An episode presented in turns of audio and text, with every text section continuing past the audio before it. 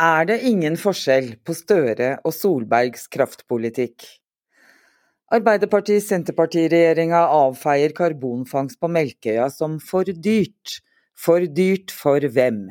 Equinor, som selv skryter av å være en foregangsbedrift innen denne teknologien. Jeg heter Eva Nordlund og er kommentator i Nasjonen. Bare rundt 15% av innbyggerne i Nord-Norge mener det er klokt å elektrifisere Melkøya. Det viser en meningsmåling Infact har foretatt for NRK.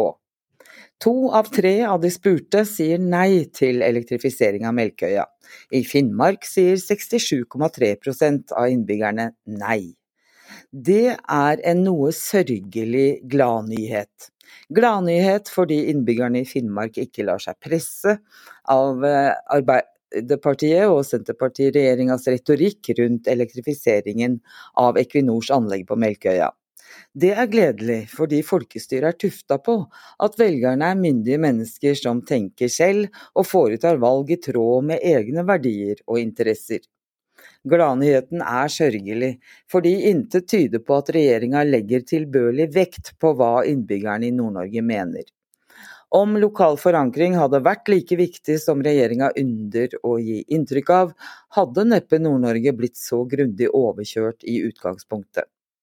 Enda sørgeligere blir det med tanke på de forventningene velgerne i Nord-Norge hadde til en Arbeiderparti- og Senterparti-regjering. Eh, de, de trodde at regjeringa ville respektere folkeviljen i nord, ikke minst etter at Solberg-regjeringa brukte tvang på Troms og Finnmark.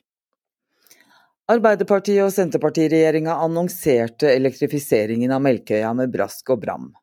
Bekymringen for at Finnmark ville skrapes for strøm og strømprisene gå i været, avfeide statsminister Jonas Gahr Støre, finansminister Trygve Slagsvold Vedum og olje- og energiminister Terje Aasland med at Finnmark skal få ei kraftpakke. I praksis kan Finnmark måtte gi fra seg ei kraftpakke, for å få realisert regjeringas beslutning om elektrifisering.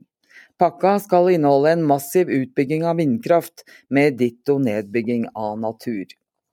Energiministeren snakker som om Finnmark verken kan få forbedret strømnett eller mer kraft uten en massiv vindkraftutbygging for å forsyne det kraftkrevende anlegget på Melkøya med strøm. Underteksten er at Finnmark kun har ett valg, enten massiv vindkraftutbygging som sikrer Melkøya fornybar strøm fra land, eller null styrking av strømnett og null kraftutbygging til landbasert næringsliv og husholdninger. Men nettkapasiteten i Finnmark kan selvsagt bygges ut, uavhengig av elektrifiseringen av Melkøya. Og omfanget av vindkraftutbyggingen i Finnmark kan forankres lokalt, også i praksis, dersom regjeringa hadde villet det. Karbonfangst og -lagring på Melkøya er et alternativ til massiv vindkraftutbygging. Stortinget har bedt regjeringa om en grundig utredning av denne metoden. Men regjeringa avfeier karbonfangst som for dyrt. For dyrt for hvem? Equinor? Vårt statlige oljeselskap skriver selv blomstrende om karbonfangst. Hvordan hindrer vi at CO2 slipper ut i atmosfæren og forsterker den globale oppvarmingen? En løsning som det vil være stadig viktigere å utvikle, er fangst og lagring av karbon i bakken. Bokstavelig talt sende det tilbake dit det kom fra. Equinor er en foregangsbedrift innen denne teknologien, som på engelsk kalles CCS-CCUS. Sitat slutt. Er ikke karbonfangst viktig nok til å investere i lenger? Hvorfor ikke? Tirsdag meldte NRK om en rapport om kraftsituasjonen fra Invest in Sunnhordland. Det er et næringsutviklingssamarbeid mellom flere kommuner. Rapportens konklusjon er at elektrifiseringen av Johan Sverdrup-feltet fører til kraftmangel på Sør-Vestlandet, hindrer etablering av grønne arbeidsplasser og presser strømprisen opp. Sunnhordland ligger i prisområdet NO2, der prisene er inntil fem ganger høyere enn i resten av landet. Årsakene er at Sunnhordland ligger nær de norske eksportkablene for strøm og elektrifiseringen. Johan Sverdrup-feltet er drevet med strøm fra land siden 2018. Ifølge Equinor kuttes klimagassutslippene med over 80% Det er fint, men igjen, hva er det som hindrer, og har hindret Equinor, en foregangsbedrift på denne teknologien, i å satse det remmer og tøy kan holde på å utvikle karbonfangst og -lagring?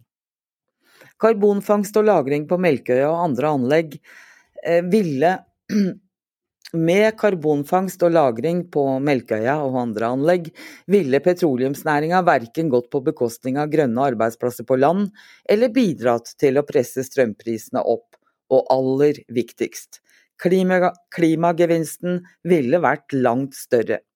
Samtidig som mer norsk natur kan skånes.